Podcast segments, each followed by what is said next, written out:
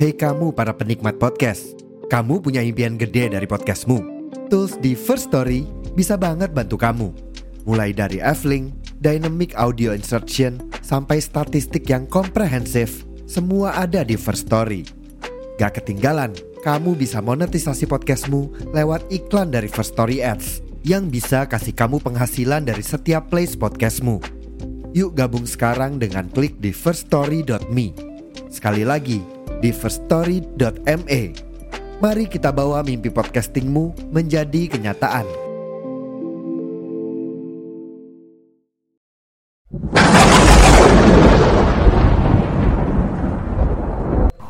Yu pro konco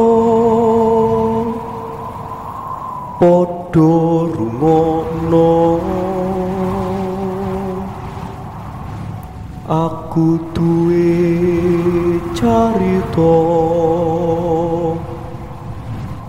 Mrono mrene Ono mati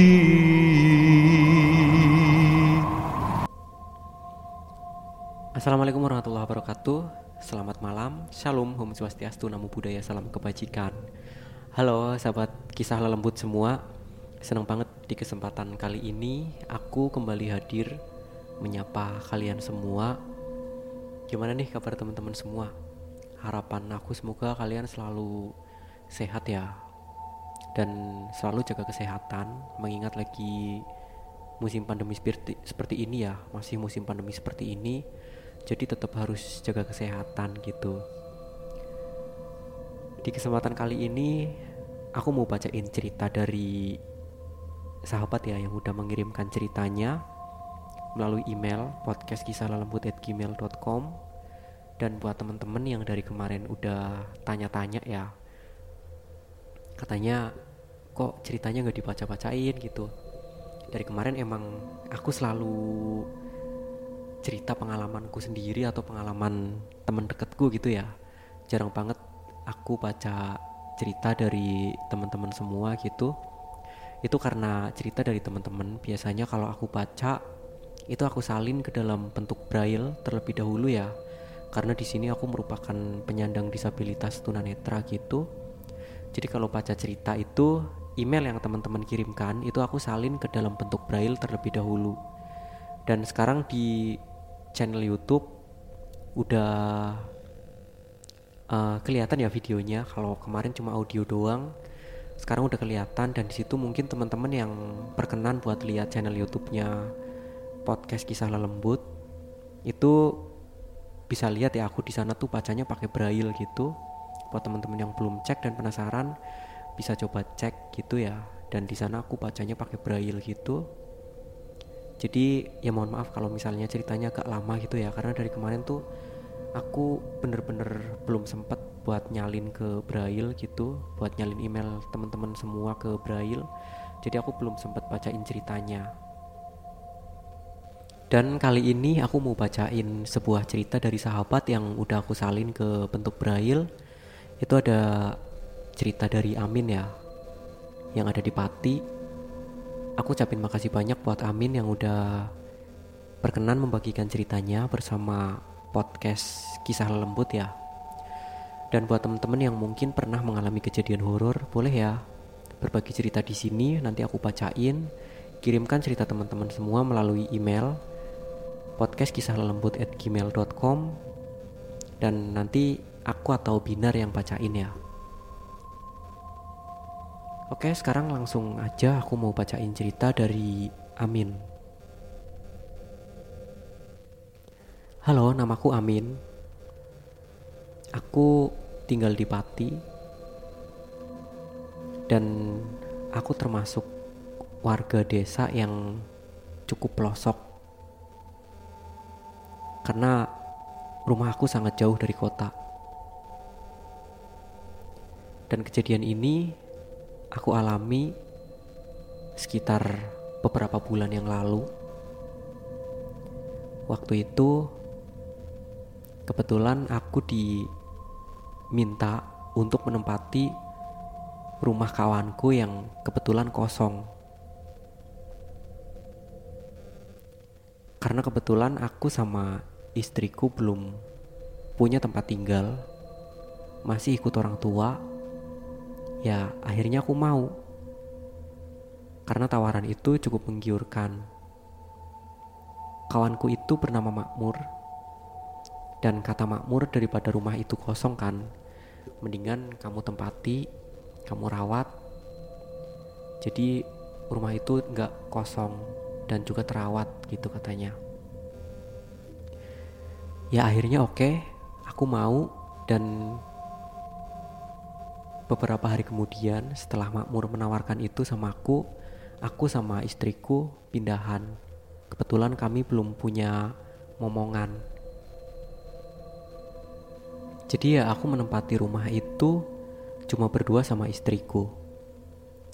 Hari pertama aku tinggal di rumah itu, aku cukup seneng karena akhirnya kita bisa berlatih untuk hidup mandiri tanpa merepotkan orang tua. Dan rumah makmur ini rumah yang benar-benar masih sangat layak huni bahkan rumah ini cukup besar memiliki dua kamar satu kamar mandi dan di depan ada ruang tamu yang ukurannya lumayan luas. Di sana juga udah ada fasilitas kayak TV, kulkas, ada sofa, dan lain sebagainya. Pokoknya kami tinggal menempati, udah beres. Selain itu juga kami sama sekali nggak dipungut bayaran ya atau ngontrak itu enggak.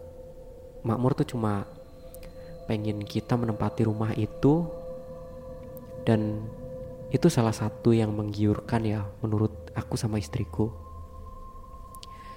Hari pertama aku menempati rumah itu sama sekali nggak ada yang aneh.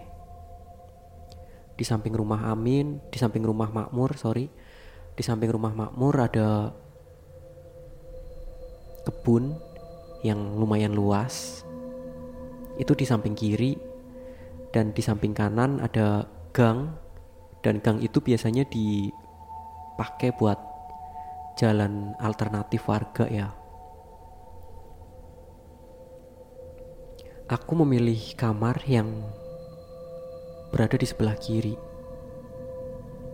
Di kamar itu ada jendela samping rumah gitu. Jadi kalau pagi bangun tidur ya kita enak langsung buka jendela terus langsung menghirup segarnya udara pagi. malamnya aku bener-bener sulit buat tidur. Mungkin karena di rumah baru ya seperti biasa. Aku tuh sulit banget buat tidur walaupun istriku udah terlelap.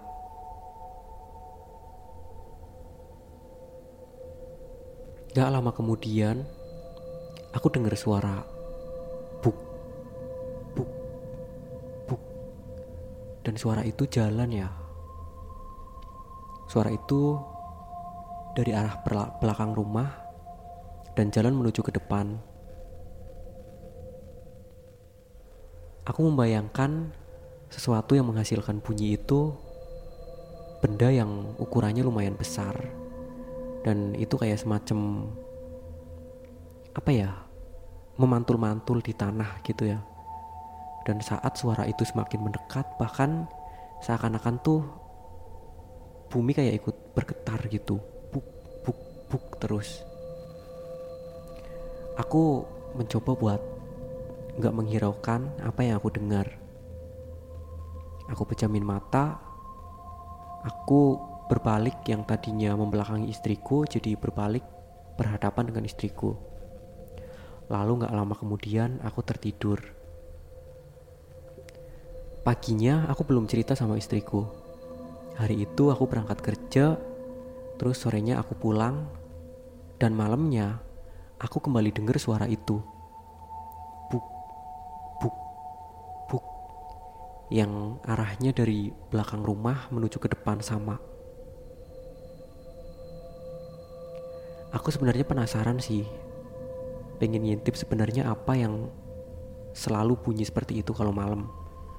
Tapi rasa capek membuat aku malas buat mengintip. Akhirnya malam itu aku pun tertidur. Paginya aku mencoba bercerita sama istriku. Tapi istriku nggak menghiraukan apa yang aku ceritakan. Dia bilang cuma ah paling emang gak jatuh gitu. Karena istriku nggak terlalu minat dengan apa yang aku ceritakan, akhirnya ya udah. Aku hari itu langsung berangkat kerja. Kemudian malamnya aku dengar suara itu lagi.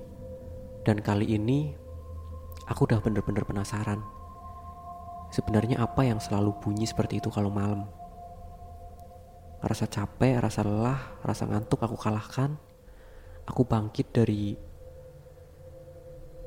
pembaringan dan aku menuju ke jendela. Aku membuka korden terus aku mengintip dari jendela. Aku bener-bener kaget dan takut karena tepat di depanku hanya dibatasi oleh kaca jendela. Itu ada sosok yang amat besar. Mungkin ukuran tubuhnya sebesar lemari.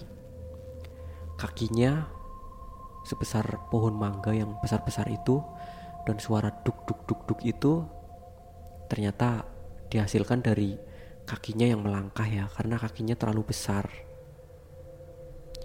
Sosok itu nggak terlalu tinggi sih mungkin sekitar 2 meter tingginya.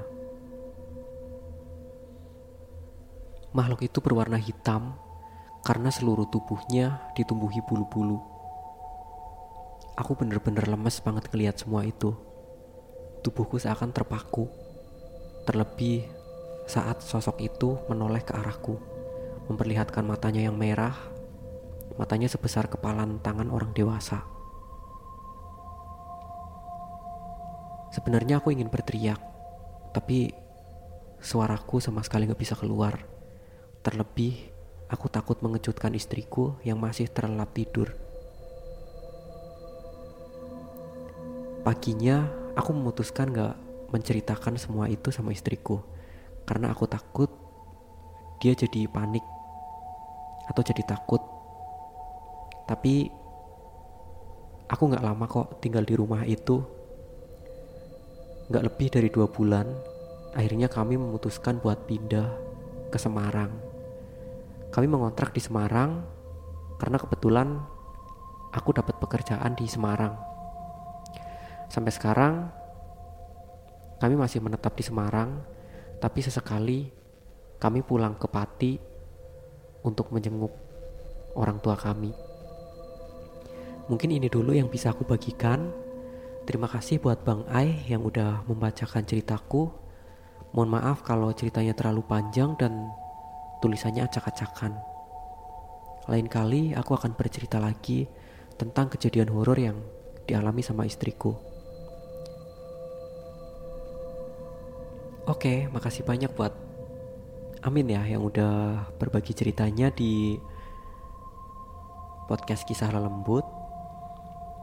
Wah itu mungkin uh, sosok yang bisa juga disebut genderwo ya apa bukan ya? Ya aku nggak tahu sih ya. Dan istrinya mengalami apa enggak nih? Mengalami diganggu apa enggak gitu ya? Selama hampir dua bulan tinggal di rumah itu, itu apa terus-terusan diganggu seperti itu apa gimana itu nggak Amin ceritakan ya. Tapi ceritanya bener-bener ya kebayang sih seandainya kayak gitu gitu ya. Seandainya lagi buka jendela terus tiba-tiba ada makhluk kayak gitu itu kan ya pasti kaget banget gitu kan. Oke terima kasih buat Amin dan itu dulu ya cerita yang bisa aku bagikan. Dan terima kasih buat teman-teman yang udah dengerin jangan lupa buat teman-teman yang berkenan buat mendukung kita di sini ya dengan menekan tombol subscribe di kisah lembut official di YouTube itu efeknya memberikan semangat buat kami untuk selalu bikin konten gitu ya. Dan terima kasih sekali lagi buat teman-teman yang udah dengerin. Kita berjumpa lagi di episode yang berikutnya. Sekali lagi, terima kasih dan aku mohon maaf kalau banyak kekurangan. Baik aku membacakan cerita ataupun dari audionya, aku mohon maaf yang sebesar-besarnya. Terima kasih. Wassalamualaikum warahmatullahi wabarakatuh. Dan see you